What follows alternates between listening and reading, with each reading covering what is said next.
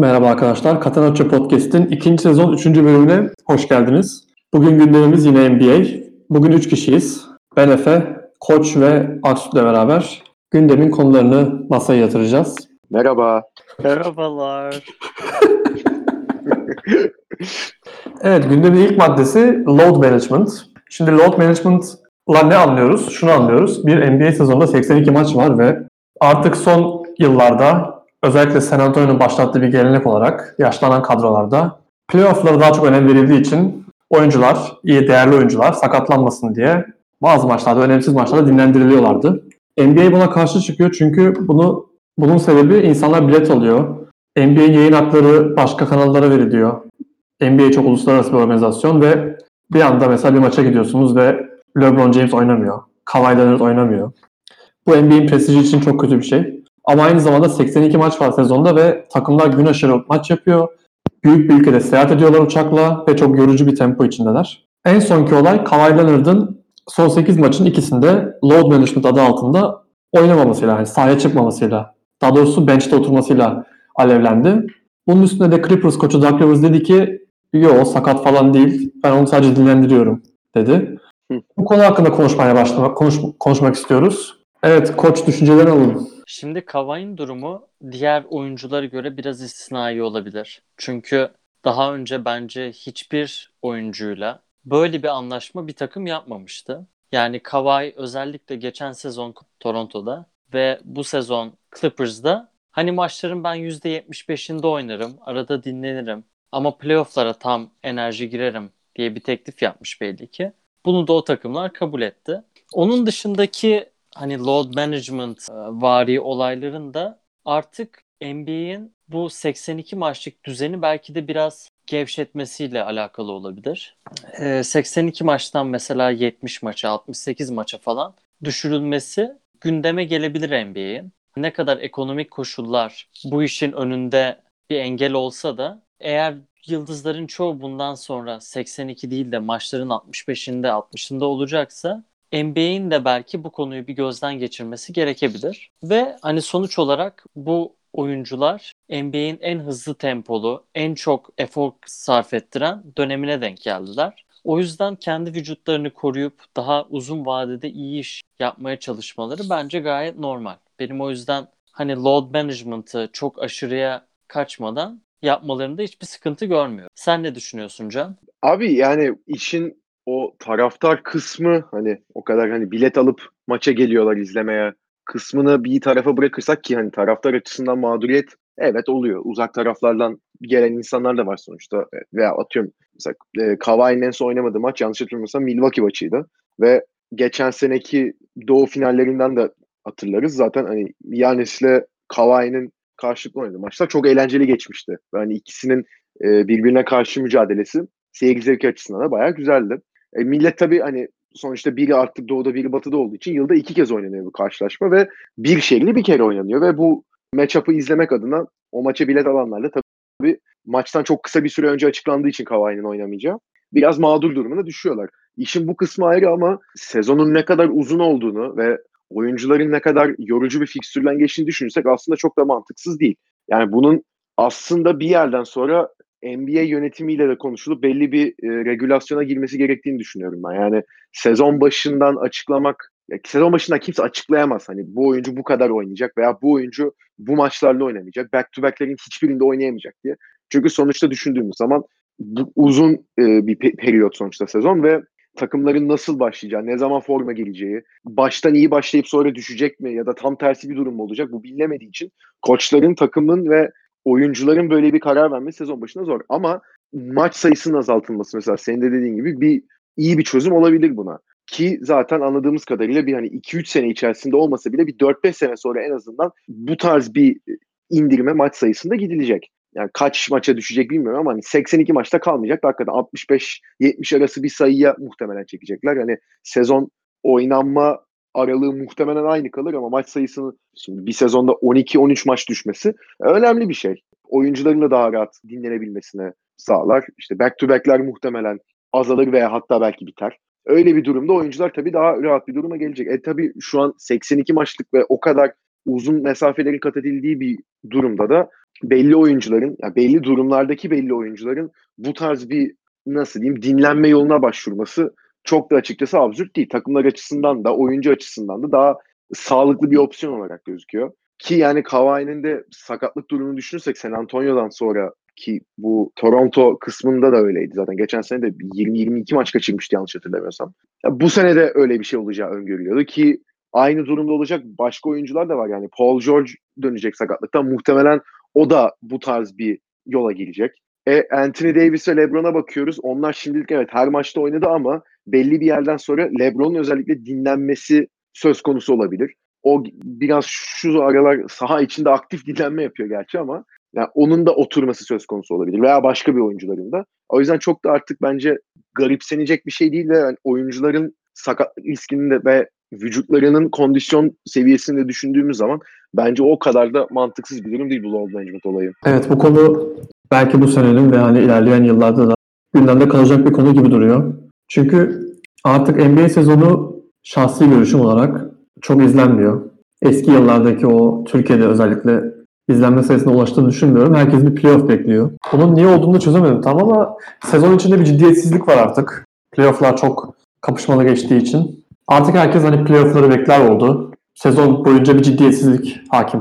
Abi gerçekten durum ona biraz evrilmiş vaziyette şu an. Ki ben de hani bu aralar saatlerinde geri alam, alma mevzusu falan hani ben Almanya'dayım da e, sanırım bir hafta hatta Koç'la geçen gün konuştuk bunu. Sanırım bir hafta geç aldı Amerika saatleri. O yüzden bir süre 5 saatti burayla East Coast arasındaki saat farkı. O yüzden erkendi maçlar. Ben de özellikle doğudaki maçların e, bir kısmını izleme fırsatı buldum. Abi bir tane özellikle çok öne çıkan maç vardı. Bu senin dediğini de destekleyecek. Miami Houston maçını izledim ben. Abi bu kadar boş vermiş bir takım Houston açısından ben uzun zamandır görmemiştim. Sahada bayağı yürümediler bile. Bir gün önce galiba çok da parti yapmışlar. Onun öyle şeyler de yazıldı Twitter'da, Reddit'te falan da. Yani normal sezonu hakikaten önemsememe durumu var. Bunu hani LeBron James kaç sene yaptı zaten. Hani Miami'de de Cleveland'da da hani birinci sırada olmama zaten gerek yok modundaydı. Haklı olarak. Yani Doğu'da ona karşı evet ya yani bir iki takım vardı da kalanlarına baktığın zaman zaten playoff'ta oluyorsun. Zaten içinde bulunduğun takım hiçbir şey yapmasa bile ilk 3 sıradan veya ilk 4 sıradan birini alıyordu. Ondan sonra playoff'ta zaten adam bütün seneyi yani %60'ında %70'inde geçirdiği için playoff zamanı geldiğinde bir yüzde yüzüne çıkıyordu. Zaten tren gibi ezerek geçiyordu herkese. Belki de o zamandan başlayan bir düşünce yapısı bu. Yani normal sezonu tamam bir şekilde girelim playoff'a da ondan sonrası önemli zaten modunda ama sonuçta baktığımız zaman oyuncular da 82 maç için para alıyor. Yani 82 maç da oynasa 82 maçın üstüne playoff'a kalıp şampiyonluğa da gitse yani ondan 82 maçın üstüne 25 maç da oynasa aynı parayı alıyor oyuncular ve şampiyonluk bonusu, playoff'a girme bonusu, işte playoff'ta maç kazanma bonusu gibi bonusları yok NBA oyuncularının.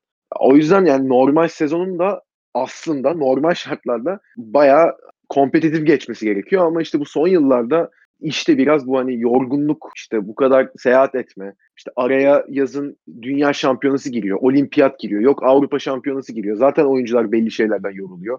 Yazları da gidiyor bazen. Onun üstüne gelip bir de 82 maç ya ben 82'sinde de full güç oynamayayım işte ne olacak? Playoff'a zaten kalırız da playoff'ta oynarım. Esas zaten o izleniyor mantığına girmesi oyuncuların. Bir yerden sonra artık kaçınılmaz nokta gibi duruyor ama onun bence çözülmesi lazım. Güzel maçlar oldu şu ana kadar ama sahada gerçekten bayağı uyur gezer gibi dolanan takımlarla bayağı rastladım bu ilk 3 haftasında NBA'in.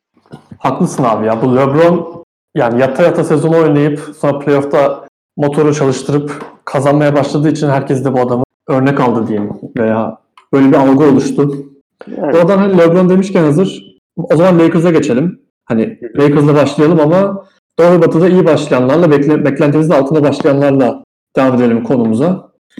Bir Lakers analizi almak isterim sizden. Sezona 7 galibiyet, 2 mağlubiyetle başladılar. Bir Clippers mağlubiyetiyle başlamışlardı ama ondan sonra hemen toparladılar. 7 maç arka arkaya kazandılar. Ve şimdilik Anthony Davis, LeBron James uyumu iyi gözüküyor. Kuzma da geri geldi. Neler diyeceksin koç? İlk önce hani şunu söylemek lazım zaten. Biz de sezon başı tahminlerimizi yaparken Davis ve LeBron sağlıklı olduğu zaman bu takımın iyi olacağını bekliyorduk. Şimdi sezonu Rondo ve Kuzma olmadan başladı Lakers ve soru işareti olan bir Dwight Howard transferi vardı. takımın kalanı da genelde geçen seneden oyuncular işte KCP ve Javel McGee gibi ve şut atabilen işte Avery Bradley, Danny Green, Quinn Cook, Troy Daniels gibi transferlerdi. Hani ama çok dikkat çekmeyen küçük oyuncu transferleriydi bunlar. Şimdi sezonun ilk başlarında gördüğümüz şey şu. Lakers NBA'in en iyi savunmalarından birine sahip. Ligde defensive rating'de ikinci olmaları lazım. Geçen seneyi hatırlarsanız bizim Lakers takımı ligin ilk 15 sırasında bile değildi. Şimdi hem Davis hem Dwight'ın etkileri, Avery Bradley olsun. LeBron'un bu sene ki siz de bahsedersiniz. LeBron'un bu sene daha defansa odaklanması ve nispeten Miami dönemlerini falan hatırlatan o konsantrasyonu bizi çok iyi yerlere getirdi. Davis MVP'ye yakın bir kalibrede oynuyor. LeBron'u da hep işte Washed King diye dalga geçtiler. Ama o sezona harika bir biçimde başladı. İşte 25 sayı, 8 rebound, 11 asist gibi absürt rakamlarla. Lakers'ta oyun kuruculuk yapıyor, savunma yapıyor, her şeyi yapıyor. Gerçekten çok iyi bir 17. sezon geçiriyor LeBron. Lakers bundan sonra da Kuzma ve Rondo'nun geri dönüşüyle bu istikrarı devam ettirebilir. Ama bence bazı soru işaretleri de var. İşte Kuzma'nın nasıl kullanılacağı, Dwight'ın belki bir tık düşebileceği, Rondo'nun nasıl entegre edileceğine. Çünkü LeBron oyun kurucumsu oynarken Lakers çok iyi başladı ve şimdi Rondo ile herhalde ilk beşin dengesini bozmak istemeyebilirler. Veya Rondo'yu yedekte LeBron olmadığı zaman kullanabilirler. Bunu bir Frank Vogel'ın bulması lazım. Onun dışında ama Lakers için gelecek iyi gözüküyor. Eğer LeBron veya Davis'ten biri sakatlanmazsa. Sen ne düşünüyorsun Can Lakers'ın bu iyi başlangıcı ile ilgili? Abi ben ilk maçı Clippers'la oynadıkları maça bakmıştım. Orada Frank Vogel değişik bir şey yapmıştı ve bayağı post üzerinden oynamıştı Lakers. Şimdi onu gördükten sonra yani LeBron da post oynar, Davis de post oynar tabii de bütün maç bunu yaptırdılar neredeyse. Hani hiç mesela LeBron Davis ikilisinin ikili oyununu izlemedik o maç. Ve hani o maçı gördükten sonra an dedim yani hani bütün sezon böyle mi geçecek acaba? Çünkü çok büyük bir coaching hatası olarak gösterildi ve hakikaten de doğru yanları vardı. Ama ondan sonra hemen ikinci maç itibariyle oyun değişti yani. Tabii ki posta geliyorlar yine ama öyle bütün maç yani LeBron Davis'e atıyor Le- Davis posta topu alıyor veya tam tersi işte ne bileyim Danny Green LeBron'a veriyor. LeBron sırtını dönmüyor potaya. Yani bütün maç içinde bu hücum opsiyonunu kullanmamaya başladılar. Ve ikisinin artık yani Davis ve LeBron ikilisinin o ikili oyun sonunda yaratabileceklerini daha artık yarattıklarını görmeye başladı ikinci maçtan ikinci maç ile e, beraber ve üst üste 7 maç kazandılar. Bu arada kazandıkları 7 maçta mesela bir Dallas galibiyeti var çok öne çık- çıkan. Çok da güzel maçtı. Yani Doncic ile LeBron'un orada özellikle ikisi de triple double yaptı ve hani LeBron'un hep işte demin zaten ben de dedim sezonu %60 ile 70 ile geçiriyor. Playoff'ta daha farklı bir yere gidiyor. Yaşı itibariyle tabii fiziksel açıdan da aslında öyle yapması bir bakıma mantıklı. An 35 yaşında şu an. Bütün sezonu %100'üyle oynaması LeBron gibi biri için imkansız değil ama playoff'a %100'üyle %100'üyle girebilmesi bence onun açısından ve takım açısından da daha hayırlı bir şey ama Dallas maçının son periyodunda özellikle bayağı ipleri aldığı zaman neler yapabileceğini zaten hani zaten biliyorduk da geçen seneki Lakers başarısızlığından sonra hani en iyi oyuncu tartışmalarına artık Kawhi Yanis şudur budur girince de LeBron herhalde bir tekrar ya ben buradayım dediği bir sekans oldu özellikle son periyot. Orada mesela sonda LeBron'un potaya gidip çok iyi bir çizilmiş set vardı. Danny Green'e topu çıkarıp orada maçı uzatmaya götürmeleri. LeBron'un ondan sonra hani Doncic'in savunmasında sarf ettiği efor, kendisinin hücumda seviyesini çok üstlere çıkarması. Bayağı pot altında rebound alıp koşarak diğer potaya smaç basabildi. İki kişinin e, omuz müdahalesine rağmen. Yani hala bu seviyede. Yani bunu görmek Lakers açısından da tabii biz izleyenler açısından da çok keyifliydi. Davis dediğin gibi çok iyi başladı. Yanlış hatırlamıyorsam 27'de 26 free throw attığı bir maçı var hatta. Yani absürt bir maç geçirmişti öyle. Yani o kadar konsantre seviyede olup ya bir tane kaçırdı 27 free throw'da ve hani tamam mesela 40 sayı attı o maç şey denebilir ya 40'ın 26'sını serbest atıştan atmış canım ne olacak falan diye de bir, bir kere 27'de 26'da atmak zaten absürt bir şey. Üstüne hani Davis'in ne kadar müdahaleye maruz kalıp ne kadar aslında yırtıcı olduğunu ve istekli olduğunu da gösteren bir şey. Bu açıdan da çok iyi. Ve işin aslında LeBron'un da sezon öncesi dediği gibi hani bu takımda Davis varsa e, hücum onun üstünden döner zaten. Tarzı bir laf etmişti. biraz da aslında ona dönüyor iş. Bir tek işte bu son maç Toronto maçında hani LeBron'a da biraz eleş yani çok, çok tabii ki övgü geliyor. Üst üste 3 maç triple double falan yaptı. Evet ama mesela bu son maç Toronto maçındaki oyun stili biraz açıkçası gördüğüm kadarıyla eleştirilmiş. Yani triple double yaptı yine ama istatistikleri mesela o, o kadar hani Draymond Green triple double yaptı şeklinde konuşuldu hep. Ve o yüzden de eleştirildi LeBron. Yani daha aslında e, yırtıcı olması, daha ofansta özellikle ipleri eline alması gerekti. Yani Dallas maçının son periyodunda yaptığını o maçta da yapması gerektiği konuşuluyor. Yani 13 13 sayı, 15 asist, 13 rebound yaptı LeBron o maç. İşte hani 13 sayıda kalması. ikinci yarıda hatta yanlış hatırlamıyorsam bir sayıda kaldı sadece. O açıdan eleştirmişti ama Lakers'ta sonuçta bir sistem işliyor. Ben normal sezonu yanlış hatırlamıyorsam öyle 4-5 bitirirler. Belki 3 olurlar diyordum ama yani şu an konferans lideriler ve gözüken o ki böyle de devam edecekler. Koç burada sen sadece bu e, LeBron'un hani son maçtaki triple double'ına gelen eleştirilerle alakalı bir şey soracağım. Hani sen ne düşünüyorsun bu konu hakkında? Daha çok Davis'in üstünden dönmesi hücumun tabii ki normal olabilir ama LeBron'un daha çok sahaya ağırlığını koyması gerekiyor mu bu vakitlerde özellikle? Yani LeBron gibi bir adamın tabii 13 sayıda kalması biraz sıkıntılı bir durum. Hani hepimiz hatırlıyoruz LeBron'un kariyerinde en çok eleştiri aldığı zamanlar 2011 Dallas ve bu finallerde de LeBron hani top do top dağıtmayı, işte savunmayı falan iyi yapıyordu ama kendi sayısını üretme konusunda hiç agresif değildi. O finallerde Miami'nin en skorer 3. adamıydı LeBron ve Wade ve Bosh'tan sonra. Yani bu tarz performanslar insanlara LeBron'un o dönemki halini hatırlatıyor bence. Çünkü LeBron her maç en azından minimum bir seviyede agresiflik gösterirse kesinlikle hani en az 20 sayıyı bulabilecek bir adam. Ve şu anki Lakers takımında birçok skorer olsa arada böyle maçları olması hiç sıkıntı olmayacak. Ama Lakers'ın elinde şu an Anthony Davis harici ve belki Kuzma ama o da yeni dönüyor sakatlıktan belli olmaz. Gidip kesinlikle 15 sayının üstünde atar diyebileceğimiz bir oyuncu yok. Hani belki Kuzma işte iyi döneminde 17 falan atıyordu ama daha yeni başladı o da sezonu. O yüzden o belli değil. İyi de, iyi de girmedi yani çok sakatlıktan sonra. Aynen yani yavaş yavaş ritme giriyor. Hani bu durumda LeBron'un biraz daha skor konusunda da zorlaması gerekiyor bence durumu. Çünkü bu Lakers takımı Miami veya Cleveland'daki gibi iki tane yan yıldızım var. O yüzden ben arada sayı atmasam da olur gibi bir kafaya girmesine imkan sağlayacak bir takım değil. Yani Lakers'ta Davis Davis dışında hani Danny Green ilk maçta bir 20 küsur sayı attı. Herkes coştu. Bir daha öyle bir şey görmedik. Yok abi Ke- o hakikaten. Tabii keza işte Dwight Howard bir maç gelip 8'de 8'de 16 sayı atıyor. Evet. Sonraki maç Evet. 4 sayı 6 Evet. sayı. Yani. Bir, aynen.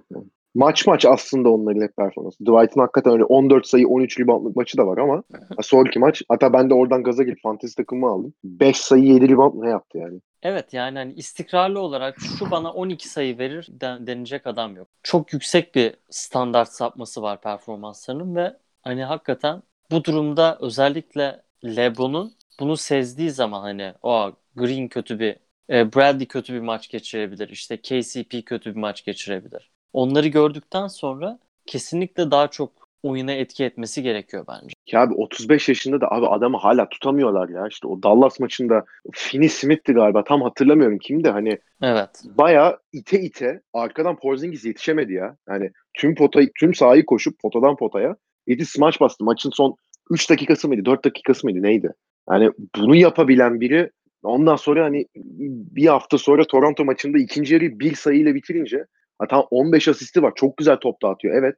Hiçbir sıkıntı yok ama 13 sayıda kalınca işte 15 asist değil 8 asist yapsa ama işte 13 sayı değil 28 sayı atsa çok daha belki etkili olacak takımı içinde ve hani belki galibiyet alacaklar Toronto maçında belli ol yani belli olmazdı tabii ama en azından böyle bir eleştiriye maruz kalmayacaktım. O zaman buradan başka bir takıma geçelim. Lakers Dallas maçını çok iyi de oldu. Hatta bence sezonun sezonun maçı adaylarına da bir göz kırpan bir maç. Sezon bu kadar erken olmasına rağmen uzatmaya gitmişti o maç. Luka Doncic o maçta 30 küsür sayı atmıştı. 32 sayıydı galiba. Biraz da Mavericks konuşalım. Bu Porzingis ve Doncic ikilisi. Onun dışındaki yedek parçalar, yan parçalar. Siz ne düşünüyorsunuz bu Doncic'in bu kadar inanılmaz iyi başlamasına? Geçen LeBron'da geçti. 21 yaşından erken 30 sayı üstünde triple double yapan ilk oyuncu oldu. Abi Doncic zaten hani geçen sene göstermişti biraz bunu. Hani Rookie of the Year oldu zaten de kaç senedir burada oynuyormuş gibi gözüken bir oyuncu profili sergilemişti. Ya ben benim beklentim gerçekten çok üstünde çok üstünde çıktı Doncic. Çok iyi bir oyuncu olduğunu asla zaten reddetmiyorum da NBA'ye hani fizik açısından o kadar uyumlu olacağını düşünmüyordum da geçen sene çok güzel şey etti beni. Şimdi bu sene de devam ediyor üstüne. Yani o LeBron'a karşı LeBron da maç sonu gelip bir iki güzel laf etti ve Doncic'ten teşekkürler falan diye kaldı yanında. E tabii genç daha 20 yaşında mı 21 yaşında mı ne Doncic sonuçta. E, hakikaten yani kral ve prens gibi zaten öyle dediler ikisine de. Hakikaten güzeldi onların mücadelesini izlemek ve Doncic'ten de durmuyor. En sonda Memphis'e karşı kazandıkları maçta 24 sayı, 14 rebound, 8 asistle oynadı. Ya takım hakikaten Doncic'in takımı. Dallas'ta yani playoff'a nereden girer, girer mi, 8'den belki girerse girer şeklinde düşünüyorduk. Şu an 9 maçta 6 galibiyetle başladılar. Ve yani gayet de iyi gidiyorlar. Burada hani Rick Carlisle'ı en çok herhalde övmek lazım. Yani Doncic'i övüyoruz evet de yani yan parçalara baktığımız zaman yani işte Tim Hardaway Jr., işte ne bileyim Dorian Finney-Smith, Maxi Kleber, işte Seth Curry, Dwight Powell bunlar hani çok açıkçası veya Jalen Brunson üst seviye oyuncular olmadıkları ortada. Ama hani bu oyunculardan bile hepsinden maksimumunu almayı başarabiliyor. Yani bakıyor bir maç işte Finney Smith iyi oynuyor. Onun üstünden dönüyor. İşte Tim Hardaway e, bench'ten geliyor ama daha az süre alıyor. İşte bir maç bakıyor ilk beşinde oynattıkları istediği şeye gelmiyor. Bench'ten gelen oyuncuları daha fazla bench'ten gelen oyunculara daha fazla süre veriyor. Onların üstünden bir şeyler deniyor ve bir şekilde sonucu varıyor. Ya Dallas benim beklentimin çok üstünde başladı sezona. Güzel de basketbol oynuyorlar. Doncic önderliğinde özellikle. Umarım böyle devam eder. Çok keyifli yani Doncic Porzingis ikilisinin oynaması. Koç burada sana şunu soracağım ben. Merak ettiğim nokta sence Doncic Porzingis ikilisi şu ana kadar yani uyum açısından beklediğin seviyede mi yoksa daha oraya ulaşamadılar mı? Ulaşamadılarsa da sence ulaşabilecekler mi? Yani o ikisi arasındaki harmoni sence yüzde yüze varabilecek mi? Yani bir takım yani bu takımı belli bir yere taşıyabilecek mi? Şimdi tabii daha 10 maç olduğu için hani kesinlikle harika olurlar veya kesinlikle iyi olmazlar demek zor ama şu ana kadar bence birkaç yönden bayağı başarılı geçti ilk 10 maç. İlk önce böyle yıldız ikililerinde genelde bir hiyerarşi olması gerekiyor. Ve hani geçen seneden sonra insanların yine de kafasında bir şey vardı. Bu takımın birinci adamı Doncic mi olur yoksa Porzingis mi olur diye. Bu sene ama Doncic MVP adaylığına layık görülecek bir performansla Porzingis'in önünde olduğunu gösterdi bu. Porzingis de bazı şeyleri çok iyi yapıyor bu sene. Hani sonuç olarak onun asıl görevi işte Luka'ya ikinci skorer olmak. İşte rebound, blok ve biraz da üçlükte spacing ayarlamak. Şimdi Porzingis mesela bu sene 20 sayı 8 rebound da oynuyor. 2.6 blok ve %38'de üçlük atıyor. Yani Luka'nın birçok asisti direkt olarak Porzingis'e gitti. Hem üçlüklerinde hem de potaya yakın post veya isolation'ında. Ben hani şu ana kadar tabii muhtemelen bütün detayları şey yapamadılar. Yani bazen tıkandıkları ve iyi iletişim kuramadıkları oluyor ama ben bu ikilinin geleceğini parlak görüyorum. Hani Porzingis'in tavanı belki düşündüğüm kadar yüksek değilmiş. Hani All-Star olabilir belki ama All-NBA biraz zor gibi. Embiid, Towns, işte Gobert. Onlar olduğu için otomatik olarak onların üstüne koyamıyorum Porzingis'i ama hani Dallas'ta ikinci oyuncu olarak bence kendine iyi bir rol buldu. Gelecekte de 20 küsür sayılarda işte 8-10 rebound, üçlük, blok o katkıları vererek devam edecektir. Doncic de MVP'ye adım attığına göre tek kalan şey Dallas'ın takımına birazcık daha iyi veteranlar alması olur. Biraz Dallas'ın durumu bana Lakers anımsatıyor. İki tane iyi oyuncu, kalan oyuncular ama hani nereden katkı geleceği tam belli. Hani mesela size soru. Dallas'ın en skorer, üçüncü adamı kim ve kaç sayı? Abi yani o kadar fazla kişi olabilir ki. Ben kim diyeyim? Tim Hardaway Jr. diyeyim. Aynen. 12 Öyle. sayı ortalamayla Tim Hardaway Jr. Mesela o zaman Ya- şey yapalım. Dördüncü kim? Ah. Abi ben dördüncü bilmiyorum. dördüncü oyuncu bilmiyorum. Dördüncü yani ya Seth Curry'dir ya Brunson'dır da Seth Curry'nin de sıfır sayılık bir Knicks maçı olduğu için hani ya da Finney Smith de olabilir. Abi bilmiyorum Brunson diyeceğim ben. Maxi Kleber'miş. Heh, yani düşün. Abi yan 9.6 parçalar sayı. yan parçalar zayıf baya. Hakikaten oraya bir iki tane veteran katabilirlerse eğer bu trade deadline'a kadar hani ne bileyim bir şey yapılır. Ne bileyim mesela Iguodala'yı alabilirlerse Iguodala çok acayip mentorluk yapar onlara da işte. Hani kimi gelecekler bir de o, o, o su var işinde. Yani Iguodala aslında- çok, çok çok iyi olur oraya. Iguodala ile iyi eşleşecek bir iki kontratları var bence. Courtney Lee'nin bir Evet. biten bir kontratı var Hı hı. ve iyi bir miktar. 12.8 milyon. Hardaway'in 18 milyonu. Powell'ın 10 milyonu. Yani bunlar hep takas edebilecekleri hani teoride oyuncular. Yani Iguodala'nın da Memphis'te oynamadığını düşünürsek yani Iguodala'nın gitmek istediğini düşünürsek Memphis takaslayacak onun eninde sonunda da yani Dallas aslında çok çok iyi olabilir onlara. E, Iguodala'ya pardon. Hı hı. Ama hani Iguodala'nın da direkt şampiyonluğa oynayan birine gitmek isteyeceğini tahmin ediyorum. Ama belli olmaz. Yani kısacası Lakers'a gitsin diyorsun. Yani Lakers'ta iyi bir rolü olabilir ama hani Lakers dışındaki bütün takımlarda bence ister onu. Hani bench'ten 15-20 dakika oynasın. Abi deli misin canım? Herkes maçta daha yani. fazla.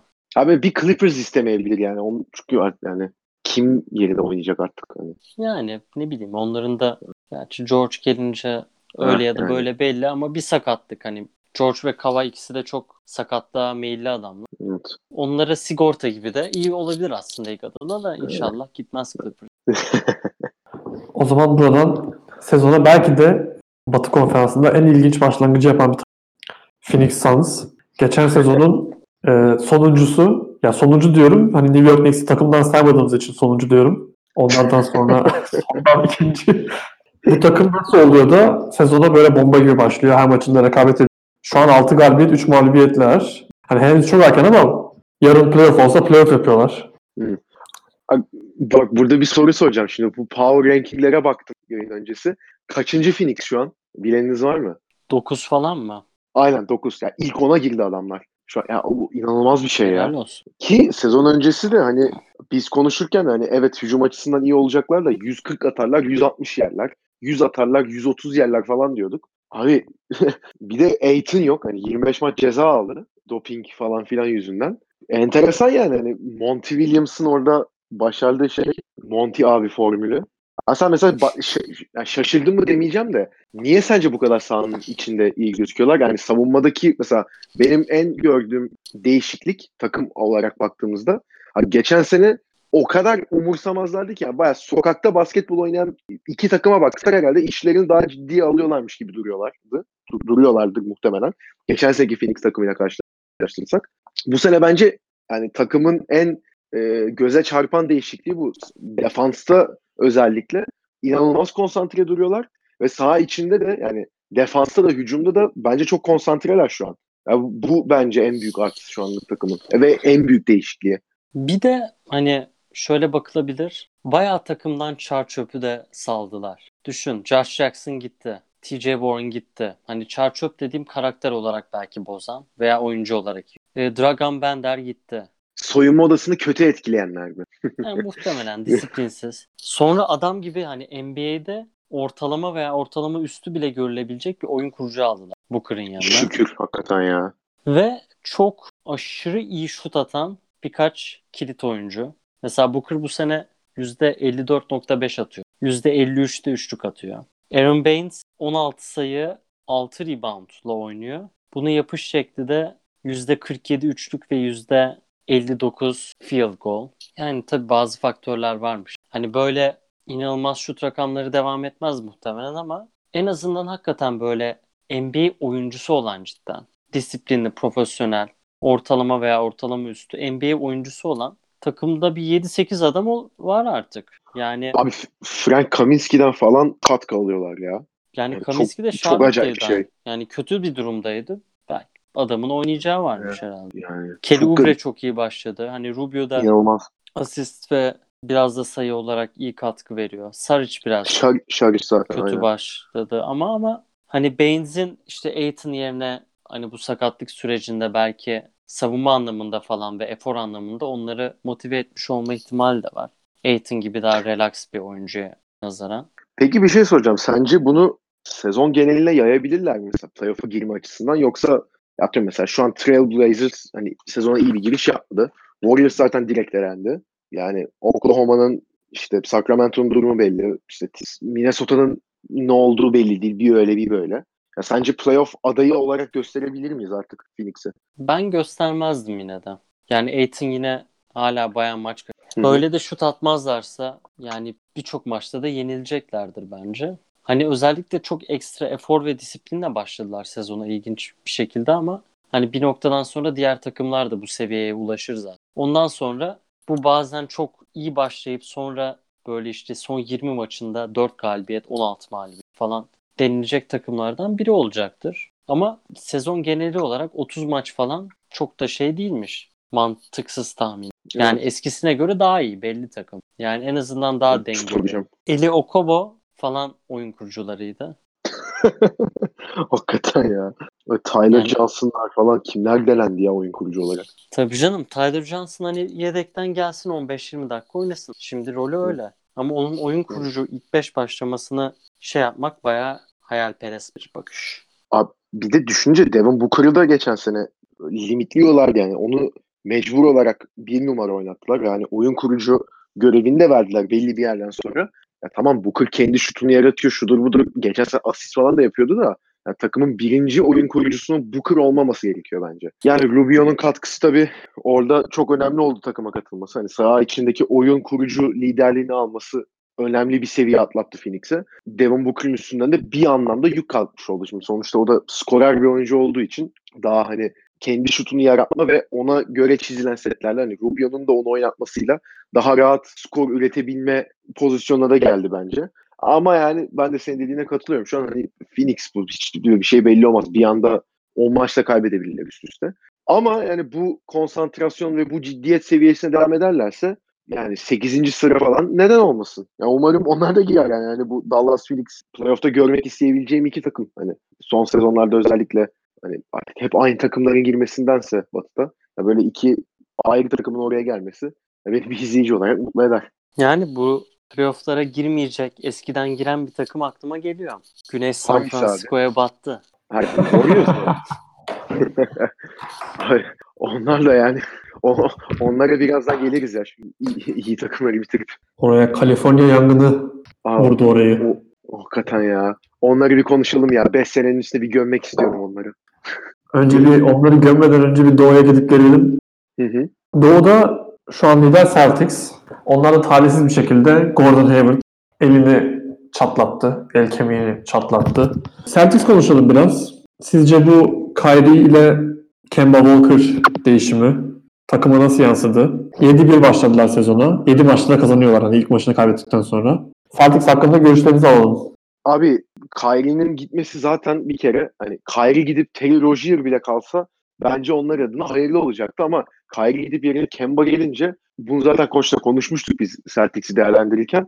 Kemba çok daha yani oyuncu olarak baktığımızda Kyrie evet çok çok daha iyi bir oyuncu ama Kemba Boston'da Brad Stevens'ın oynatmak istediği oyuna bence çok daha uyan bir oyuncuydu. Bunu da görmeye başladık zaten. Hani kendi şutunu da yaratabiliyor. Kendisi isolation'da oynayabiliyor ki geçen sene Charlotte'da bu kadar parlamasının sebebi de aslında ya tek başına oynuyordu da yapabileceği bir şey yoktu orada. Yoksa hani bu Kemba'nın işte çok bencil olması veya sırf kendi kendine oynamasından kaynaklanan bir durum değil. Adam top paylaşabilen bir insan. Veya top ona gelmediği zaman küsüp savunmada işte boş vermişlik gösterecek veya bir sonraki hücumda saçma sapan hareketler yapacak bir insan değil. O yüzden hani Kemba'nın bu takıma katılması biraz yavaş girmişti sezonun da şimdi açılmaya başladı yavaş yavaş. O açıdan da iyi oldu. Tatum iyi girdi sezona. Tatum umarım böyle devam eder. Fantezide de iyi iş yapıyor. Yani ben mutluyum onu izlemekten. Tatum iyi bir seviyede şu an. Ee, Jalen Brown kontratı aldıktan sonra kontratı çok tartışılmıştı. Ama o da yavaş yavaş açılmaya başladı ki son San Antonio maçında da 30 sayı attı. Gayet iyi bir e, performans sergiledi. Buradaki tek şey sıkıntı senin dediğin gibi Gordon Hayward sezona çok iyi girmişti. Hatta 39 sayı atıp kariyer rekorunu da kırdı. Gordon Hayward gibi bir oyuncunun da 40 üstü atladığı maç olması enteresan. Bunu koçla konuşmuştuk geçen hafta. Yokmuş gerçekten yani 39 sayı oldu kariyer maçı. Ve tam hani eski Gordon Hayward işte Utah'taki haline dönüyor derken o elinde kırık mı çatlak mı tam ben de onu bilmiyorum da öyle bir sakatlık yaşaması gerçekten talihsiz ama süresi hakkında pek bir açıkçası şu anlık fikrim yok. Bugün sanırım belli olacaktı. Şu saate kadar bir şey okumadım Gordon Hayward hakkında ama yani umarım o da hızlı bir şekilde döner ve hani özgüveni yerine gelmişti özellikle Gordon Hayward'ın. Umarım bu sakatlık o tekrardan yükselttiği özgüven seviyesini aşağılara çekmez. Yani hala ama Celtics'te tam yani 7-1'ler şu an ama e, şeyde de yani isimlere baktığımız zaman hala center pozisyonunda bir sıkıntı var. Orayı da ama fena kapamıyorlar. Daniel Tice'dan belli bir katkı alıyorlar. Robert Williams son maçta özellikle bayağı e, değişik bir performans sergiledi. Bayağı iyi oynadı. Onu highlightlarına bakmıştım. Ondan da istedikleri verimi alıyor gibiler ama ben ne olursa olsun bu şekilde gitseler bile hala Adams'ı düşündüklerini düşünüyorum. Yani Steven Adams için bir takas hamlesinde bulunabilirler hala. Takımda adam eksikliği var. E, evet dönüyormuş bugün ama açıklamış. Demin okudum. Bugün Ne oynayabileceğim demiş. Evet tabii. Hizmet başlasın. Türkiye'de zaten maçlar yayınlanmıyor. İyice artık. yani o gelince bakalım ne olacak yani merak ediyorum. Hücum açısından bir tabii ki katkısı olur ama yani defansta götürdükleri daha fazla. O yüzden ben hani Tice ve Robert Williams ikilisinin daha fazla süre alacağını düşünüyorum şimdi. Yani ilk beşe direkt monte ederler mi onu emin değilim. Ya sen ne düşünüyorsun abi burada? Bu arada Gordon Hayward'ın sakatlığı ne kadar sürecek? Onun hakkında da bir bilgin var mı? Onu da sormuş olayım. Ya Hayward konusunda ben de bir şey gördüm.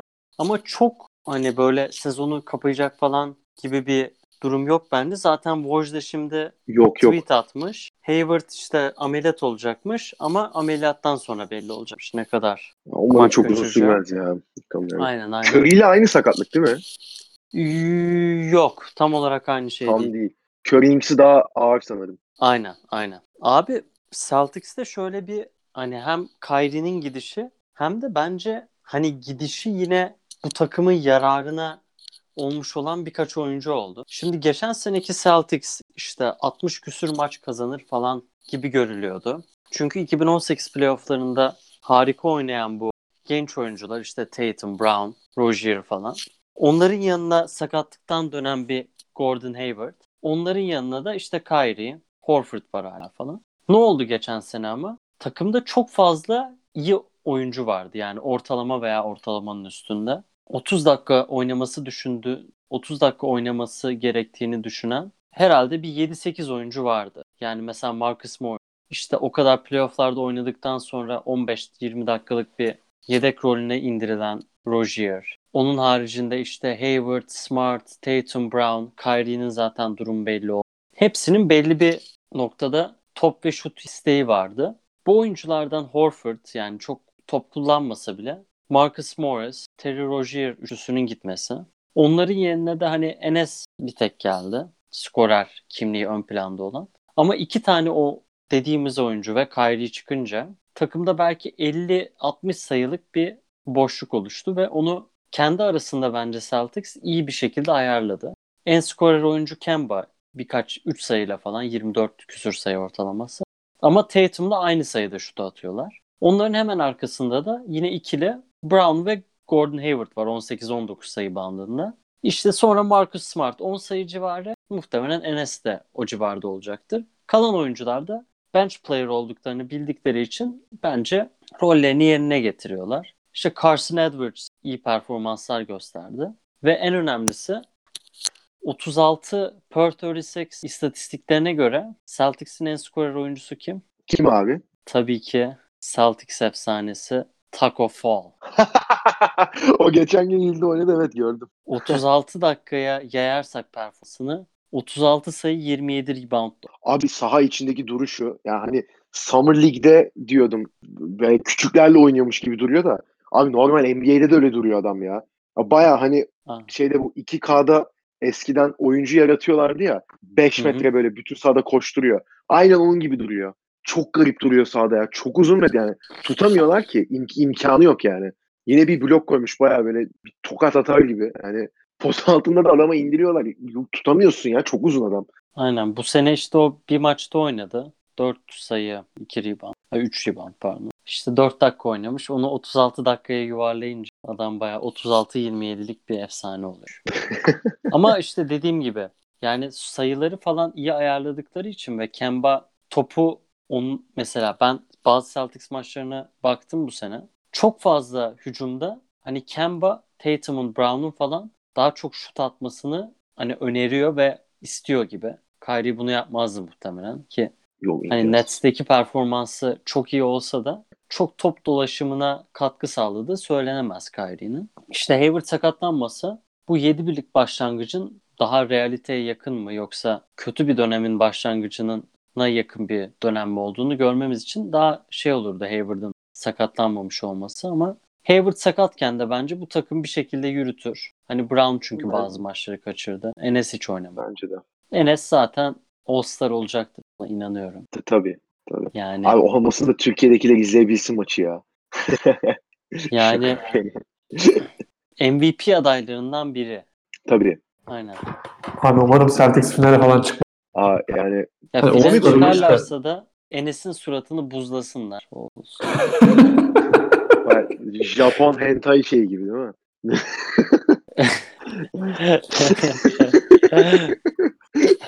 Hani to topana gelince sessizlik olsun işte.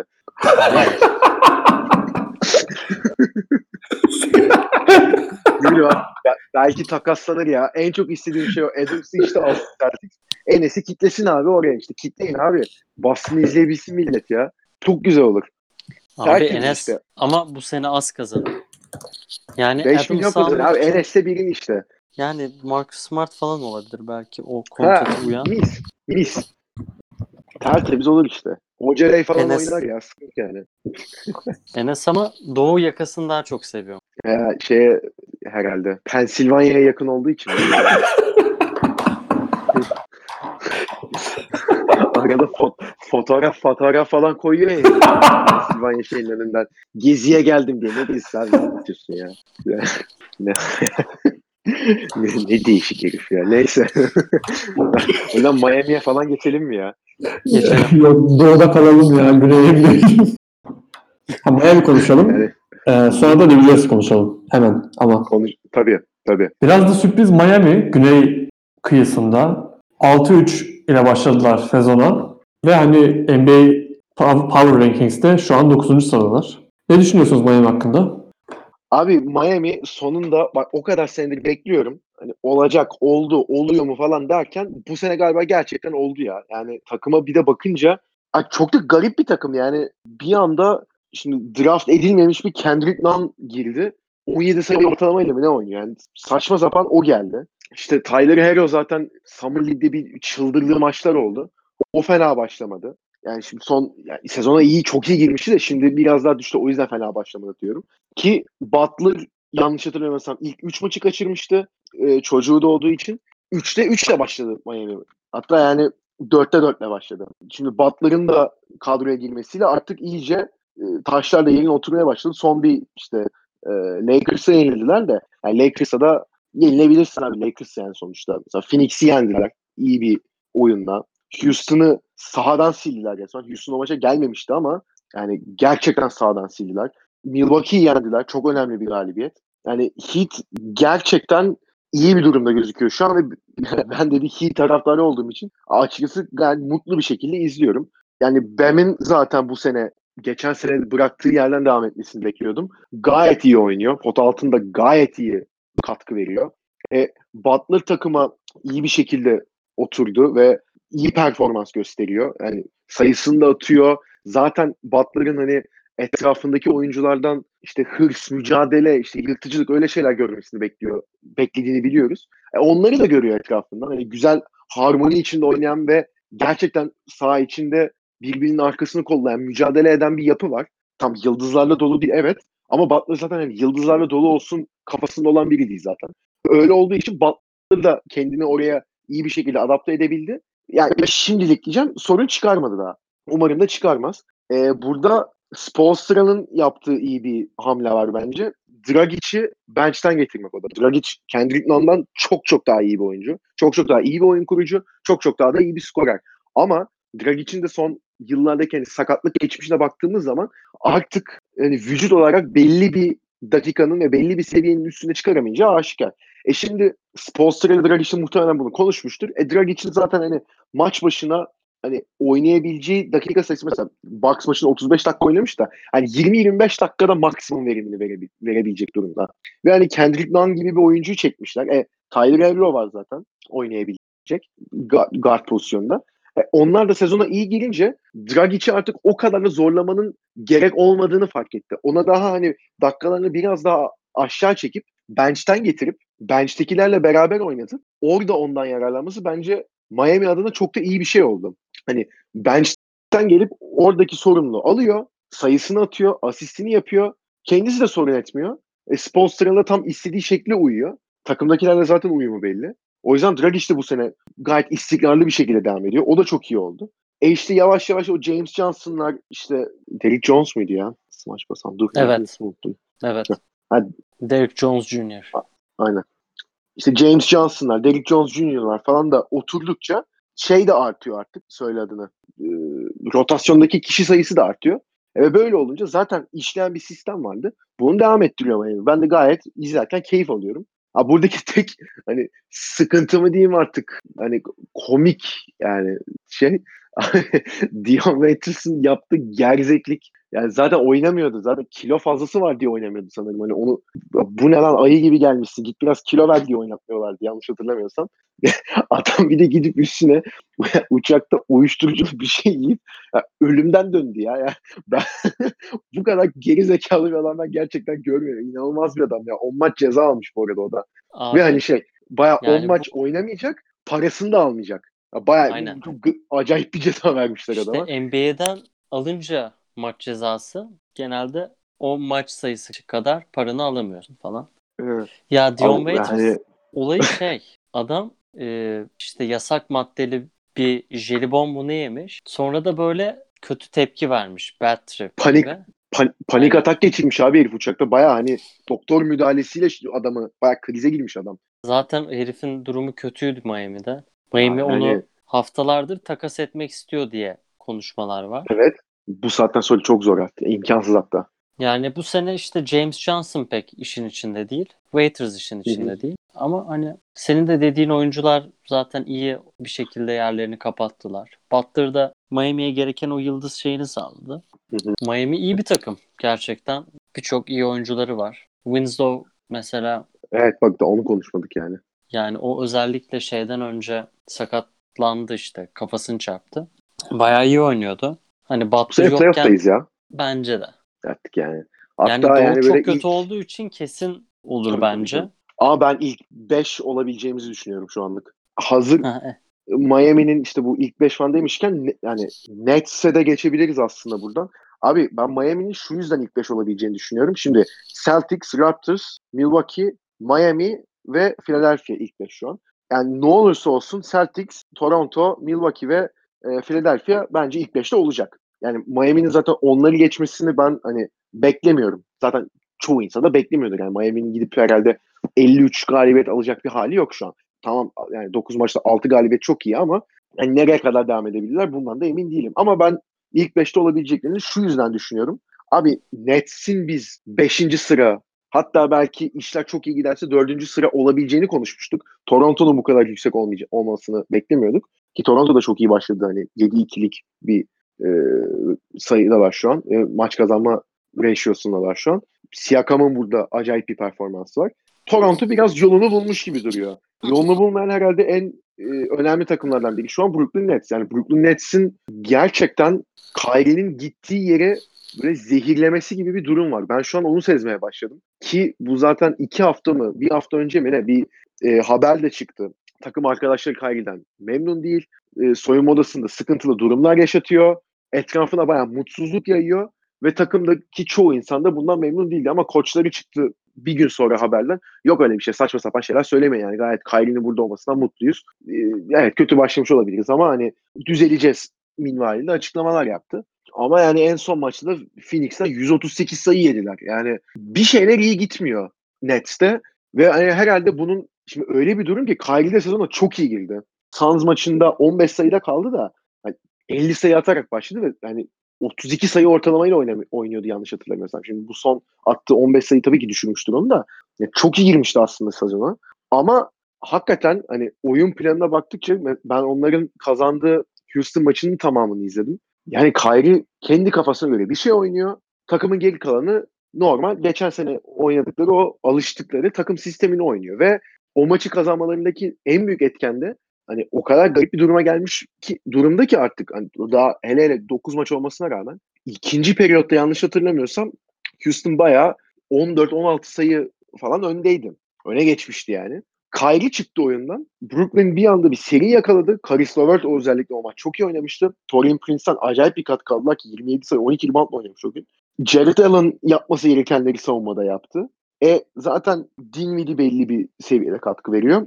O gün de Garrett Temple'dan ekstra bir katkı alınca Kyrie bench'teyken bir anda seriyle öne geçtiler ve onu ondan sonra da korudular. Tabii Houston'ın da o maç Harden'ın özellikle saçma sapan hataları oldu. Çok garip şutlar kaçırdı da yani Nets gerçekten saha içinde bir karmaşa olarak duruyor ve hani bunu şimdi bu sezon Durant de yok. Kyrie'nin en verimli olduğu sistemin LeBron'un yanında olduğu sistem olduğundan bahsettik. Yani takımdaki birinci yani takım lideri pozisyonda değil de bir lider var. işleri halleden, takımın uyumuyla beraber belli bir yere getiren Kyrie de o son basamakları atlatacak şeyleri yapan kişi olduğu zaman bu zaten Cleveland'da işte finalleri görmesi, şampiyon olması, şampiyon olurken 7. maçta son dakikada topun ona verilip üçlüğü atması zaten bu rolü ne kadar iyi yaptığını belki de NBA'deki NBA'de bu rolü en iyi yapacak oyuncu olduğunu gösteriyordu. Ama hani Celtics'e gidince bir, bir numaralı adam olunca ne kadar farklı bir yere konunun gittiğini gördük. Bence aynı sıkıntı şu an Nets'te de yaşanıyor. Abi sen yani ne düşünüyorsun Nets hakkında ve bu Kyrie sorunu sence çözülebilecek bir sorun mu? Ben çünkü bir çözüm olduğunu hakikaten düşünmüyorum artık Kyrie konusunda. Ne, ne kadar sezon başında sen de burada konuşurken demiştim. Hani çok daha olgun konuştu preseason e, bu basın toplantısında.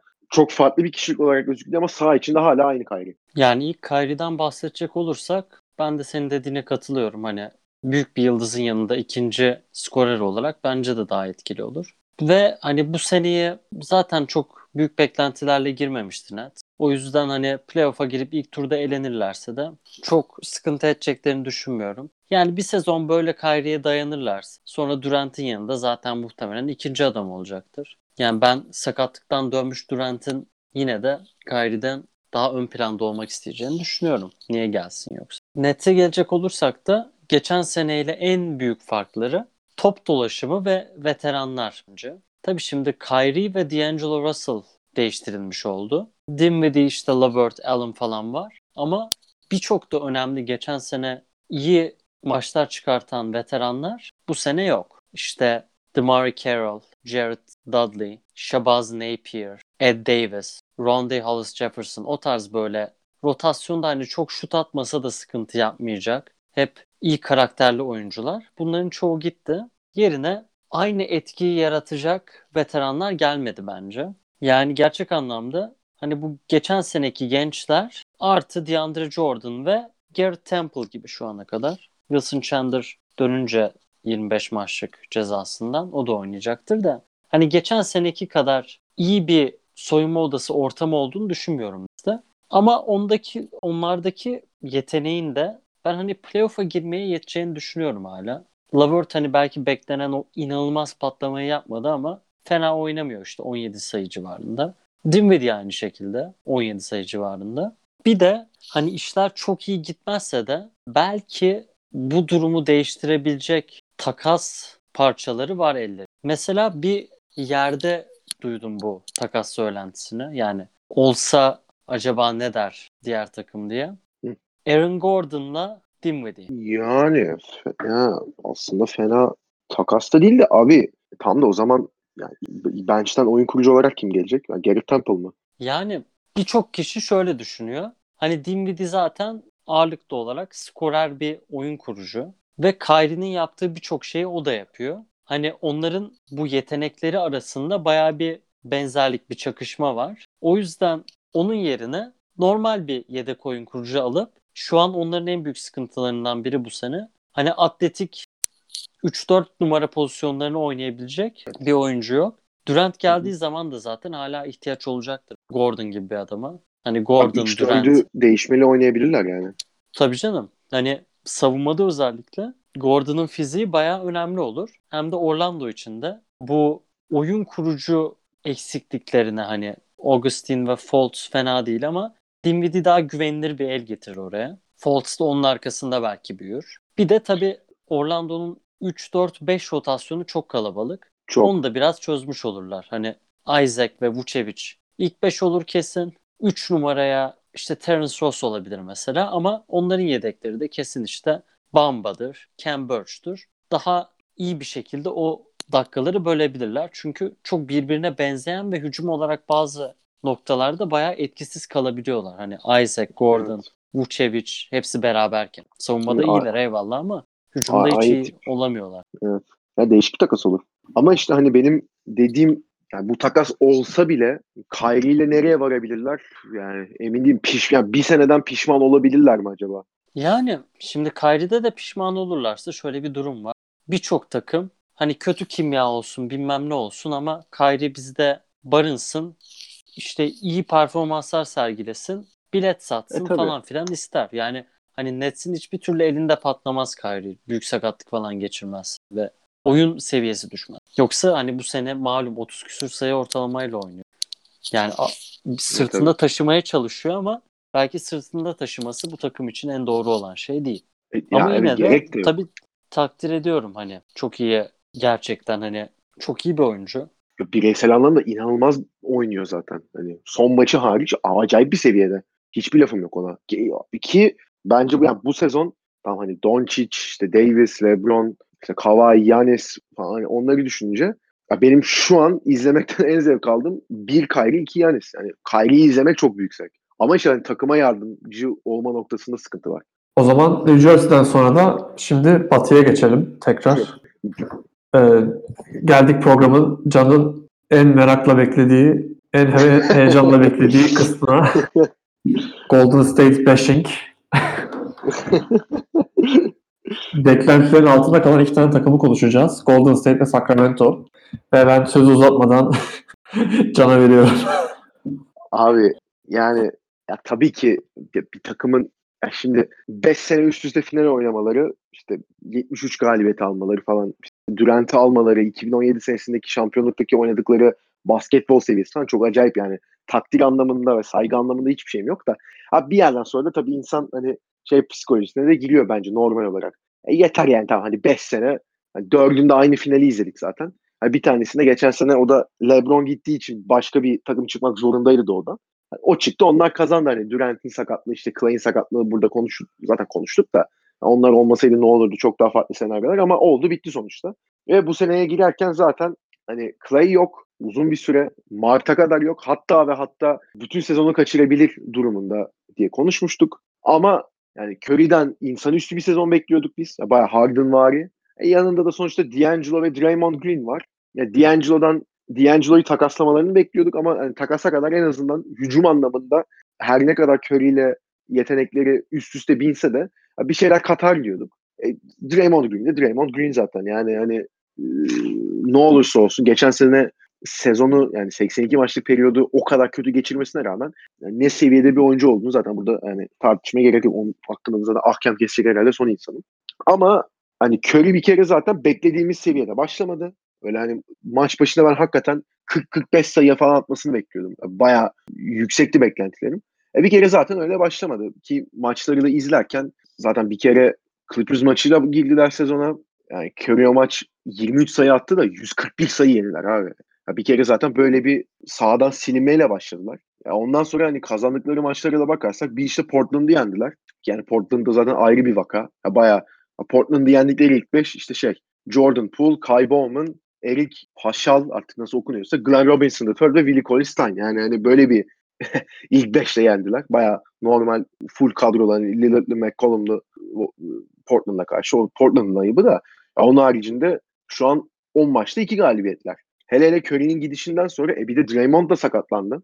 Öyle olunca zaten demin saydığım isimlere bakınca abi D'Angelo Russell var bir tek de ki o da 2-3 maç kaçırdı.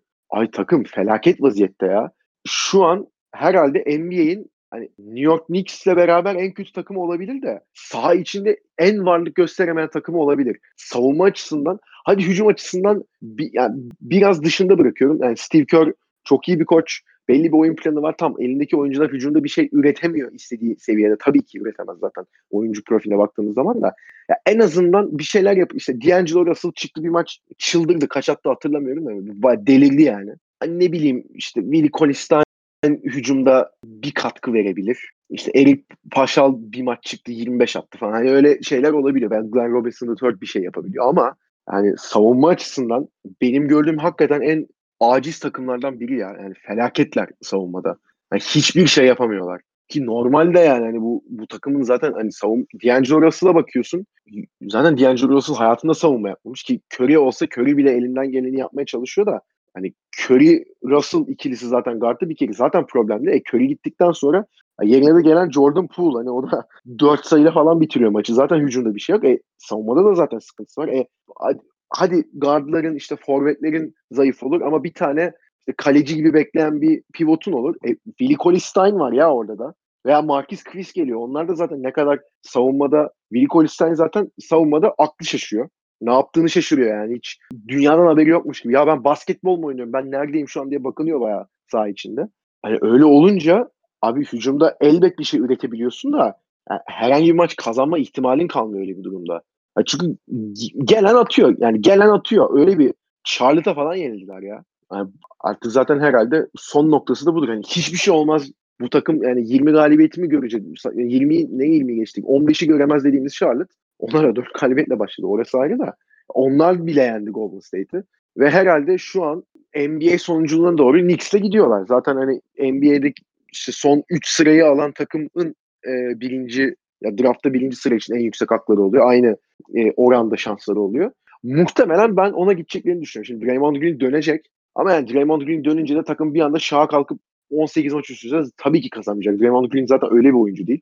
Öyle bir oyun tarzında biri değil zaten. Hani gelse de Draymond Green'in bu kadar etkili olmasının sebepleri tamam kendisi oyun görüşü çok iyi işte defansta çok etkili hücumda çok iyi oyun kuruyor şudur budur da yani Curry ve Clay'in oradaki varlığı Draymond Green'i de çok rahatlatıyordu. O yüzden o döndükten sonra hani Russell'la olacak mı? Russell'la olsa bile kalan oyuncularla zaten ne olacak? O belli değil. Ben herhalde buradan artık yani Russell'ı takaslarlar mı bilmiyorum da NBA sonunculuğuna gidip işte bir numarayı almaya çalışıp oradan bir rebuilding'e gire, yani rebuilding'e değil de Curry ve Clay geldiği zaman ya işte bir numaradan veya işte 2-3 numaradan her neyse iyi birini çekip öyle devam edeceklerini veyahut işte D'Angelo Russell artı alacakları draft sıralamasıyla bir takas yapıp iyi bir parça katacaklarını düşünüyorum bu saatten sonra. Çünkü hani bir yere varabileceğini düşünmüyorum, düşünmüyorum ben bu takımı bu sezon. Yani ilerisi için de aslında. Koç sen ne düşünüyorsun abi? Biraz uzun tuttum kusura bakma. Çok gömesim vardı. Ya Golden State hakkında senin dediğin her şey neredeyse doğru yani. Ben hani bu sezon öncesi podcast'ımızda şey dedim hatırlarsın. Playoff'a giremeyiz dedim. Sen de katıldın. Evet.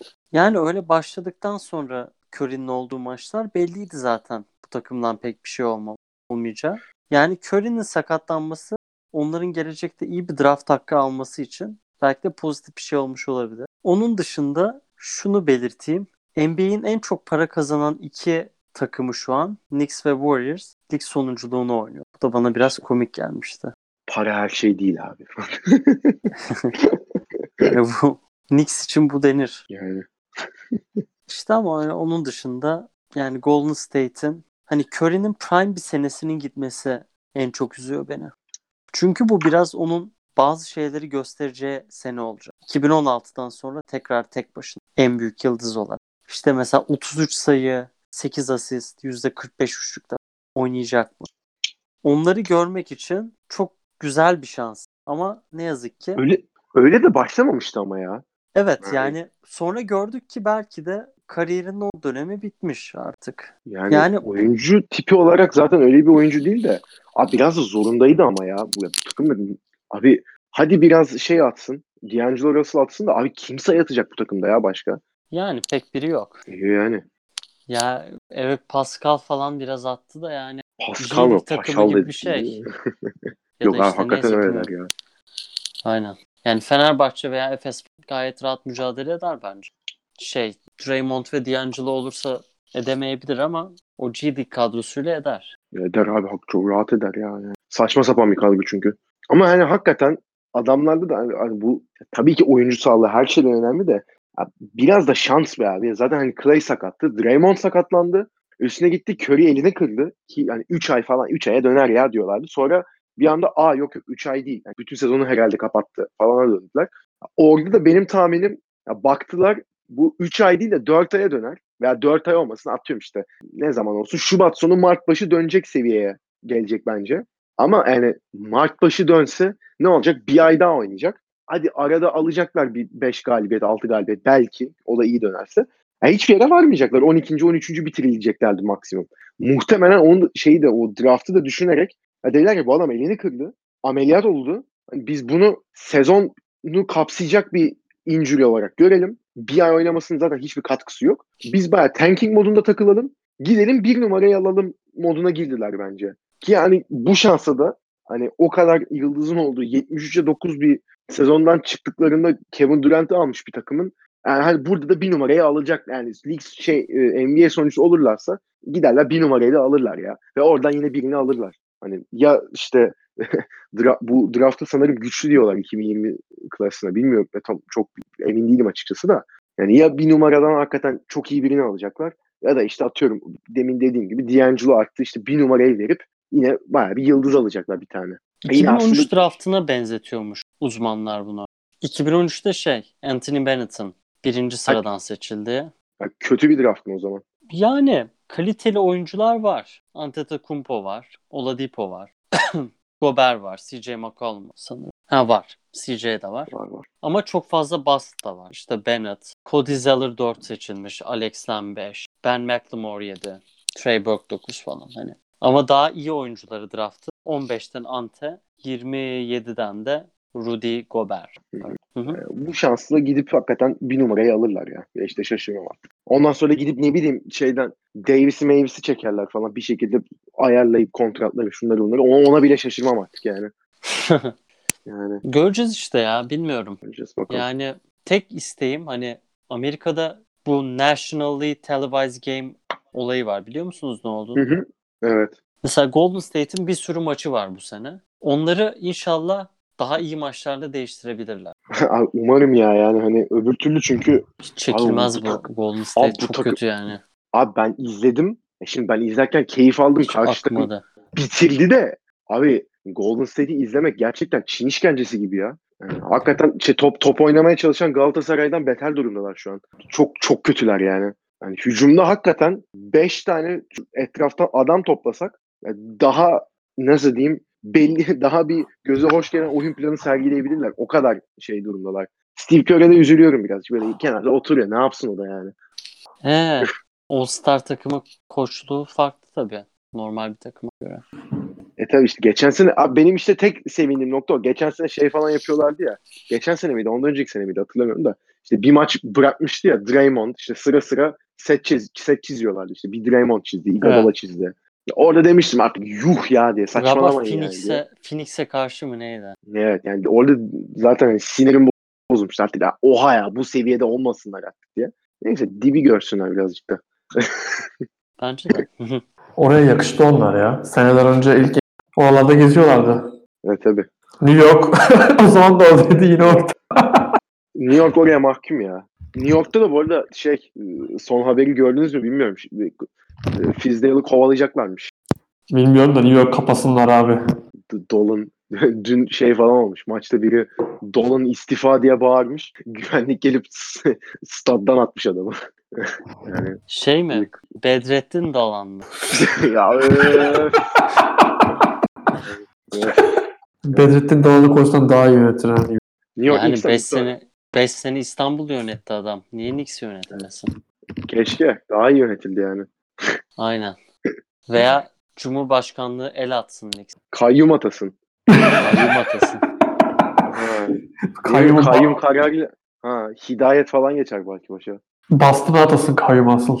Terörist orada. Aa, o o yani o sıkıntı olabilir şimdi atadıktan sonra hani ben Cumhuriyet işte demokrasi savaşçısıyım falan filan diyor çünkü şeyde Twitter'da. Ne manyak herif ya. Ne- Neyse. Kings'e geçelim mi? Biz Sacramento'ya geri dönelim. Aynen. Sacramento Queens. Sacramento'da sezona kötü başlayan bir takım yine. Beklentilerin gerisinde kaldı diyebiliriz. Geçen sene çok dinamik basketbol oynuyorlardı. Playoff'u ucundan kaçırmışlardı. Bu sene beklentiler yüksekti ama 3 mağlubiyet, özür dilerim 3 galibiyet 6 mağlubiyetle başladı. Abi adamlar 5'te 0 ile girdi zaten sezona. Çok kısa tutacağım Sacramento'yu. Koç sana bırakacağım sözü de. Ya benim gördüğüm kadarıyla burada e, Luke Walton'un yaptığı gerzekçi bir şey var. Şimdi son e, açıkçası 2-3 maçlarını o, kadar takip edemedim. Yani özet şuydu buydu çok izleyemedim de. Yani sezon başında geçen senenin en hızlı olan takıma set hücumu oynatmaya çalışıyordu. Yani baktığımızda da şimdi yani ne bileyim Bogdan Bogdanovic tamam oynayabilir eyvallah bir, bir lafım yok buna da yani ne bileyim De'Aaron Fox ve Buddy Hield ikilisinin özellikle de De'Aaron Fox'un topa hükmettiği bir takımda yani set oyunu oynatmak ne kadar akla mantığa sığıyor ondan emin değilim. Geçen sene işte dediğim gibi zaten en hızlı oynayan takımıydı ligin de hani buna bağlı olarak işte hızlı hücumdan en fazla sayı bulan takımdı. İşte e, turnover üstüne en fazla sayı bulan takımdı bilmem ne. Bu seviyede bir, ki bir takımı alıp hadi siz yerleşin rakip sahaya set oynayacağız. iyice yavaşlatalım demek. Saçma şu an işte en son baktığımda 27.ler miydi hız şeyinde? 26.lar mıydı neydi? Ya birinci sıradan oraya düşmesi zaten takımın herhalde böyle bir yola girmesinin herhalde en rahat açıklayacak sebeplerden biri. Ben de kısaca Kings'le ilgili birkaç noktaya değineyim. Senin dediğin işte pace olayları, işte Luke Walton'ın falan durumlarına ben de katılıyorum. Ya onun harici işte Bagley sakatlandı. Biraz o etkiledi. Bir de genel olarak bu NBA'de bence sık görülen bir şey. Bir takım böyle belli bir sistemle falan cidden sürpriz yapıp playoff'ların yakınına ulaşabiliyor. Ama sonraki sezon o takımla ilgili bir şey değiştirince bu sihir bir anda bozulabiliyor. Mesela şey vardı hatırlıyor musunuz o takımı? 2013 veya 14 Phoenix. 48 maç mı ne kazanmıştı? 3 tane oyun 10. kurmuştu. 10. olmuşlardı şeyde. Aynen. İşte Bledsoe Sak- vardı, evet. Dragic vardı, şey vardı. Isaiah mı Ee, vardı yoksa Brandon Knight mı vardı? IT vardı sanırım. Galiba. Hmm. Yani o tarz takımların sendromuna girdi biraz bence Kings. Yani Pat Riley'nin işiyle The Disease of More. Yani herkes takım iyi oynadığı zaman ve onlar nispeten top dolaşımını falan iyi yaptılar geçen sene. Daha böyle az bencillikle oynuyorlardı. Bu sene belki birazcık da o etkilemiş olabilir. Çünkü Kings'de de 4-5 tane gerçekten hani skor üretebilecek oyuncu var. Hı-hı. Ve bazıları bu rolleriyle de çok memnun değildir Bogdanovic gibi. Çünkü o da bu sene free agent olacak ve Uzatmadılar değil mi onunla? uzatım yani şey o minimum bir kontrattı. Yani şöyle 10 milyon falan alıyorsan %20 zam falan yapabiliyor işte 12 milyon. Ondan fazlasını alırım diye düşünmüş. İşte mesela böyle olabilir olunca da bir de hani getirdikleri veteranlar da hani öyle çok acayip transferler değil. Mesela Trevor Ariza hani ben çok etkili olabileceğini düşünmemiştim. Çünkü geçen sene de zaten hani NBA terimiyle washed up yani pek kariyerinin eski haliyle alakasız bir oyuncu olduğunu artık görüyorduk. Ya etliye sütliye karışmayayım da işte çıkayım paramı alayım topumuzu da oynarız ya mantığında Aynen. takılıyordu geçen sene. İşte Deadman desen hani ona da aslında 3 senelik bir kontrat verdiler. Hani Atlanta'da iyi de biz de hani iyi olduğunu düşünüyorduk bu kontratın da. Evet. Genelde şöyle bir şey var. Role player'lara büyük paralar vermek kulüplere ciddi zarar veriyor ve hem onun hem de Corey Joseph'ın kontratları 10 küsür milyonlar. Hani mesela Barnes'ı bir şekilde takas edersin. Hani ikna edebilirsin takımları. İlk 5'te başlar sana averaj veya bir tık üstü averajın katkı verir diye. Ama Joseph ve Deadman da hani yedek oyuncular gibi daha çok. Evet. Hani o yüzden belki de hani transfer dönemini düşündüğümüz kadar iyi geçiremediler. Biraz da şanssızlardı. Şutları falan çok kaçtı. Ve çok hafif toparlamaya başladı gibiler. İlk de çünkü İşte çok son- kötülerdi. Evet, Atlanta'yı işte falan bakalım. yendiler. İşte Yani ben yendiler de.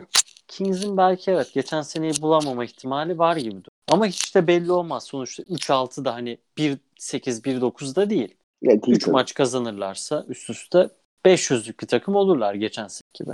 Bunu göreceğiz yani. Ben Kings'in iyi olacağını düşünüyorum.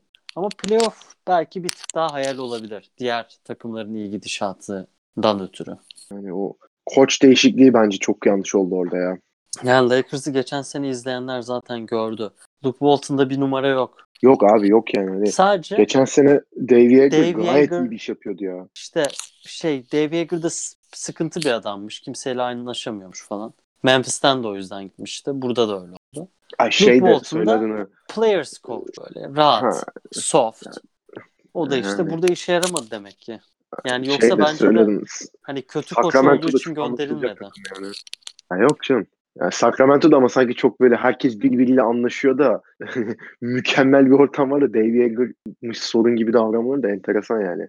GM'leri falan o Vlade Divac'lar falan zaten enteresan tipler. Abi o Buddy Hield şeyi zaten sezon başı kim gelecek lan Sacramento'ya saçmalamayın verin bana parayı falan filan diye açıklama yaptı adam ya. Yani böyle bir ortama hani işte Luke Walton geldi bu açıklamayı yaptı adam ki başka yani. Ya dünyanın en babacan insanı gelse ne olacak oraya? Bir de Luke Walton'ın şey olmuştu. Yazın hani Dava. birine bir tava işte tecavüz falan gibi bir söylentiler Evet. vardı. Çok bir şey çıkmadı ama yine de bütün her şey bence şey. biraz oranın aurasını bozdu.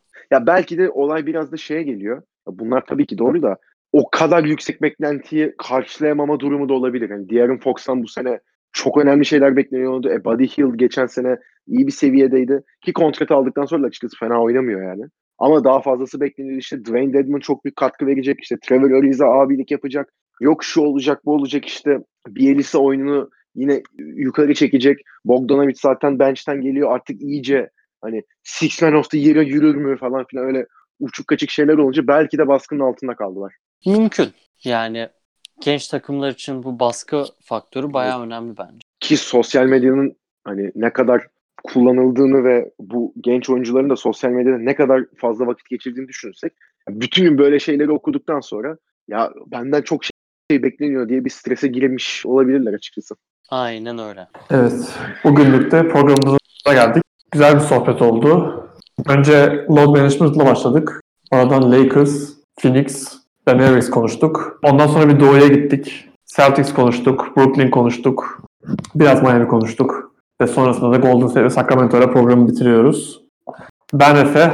Ben Can. Ben Ege. Hepinize iyi akşamlar veya hangi zaman dinliyorsanız iyi günler. Hoşçakalın. Hoşça kalın. Hoşçakalın.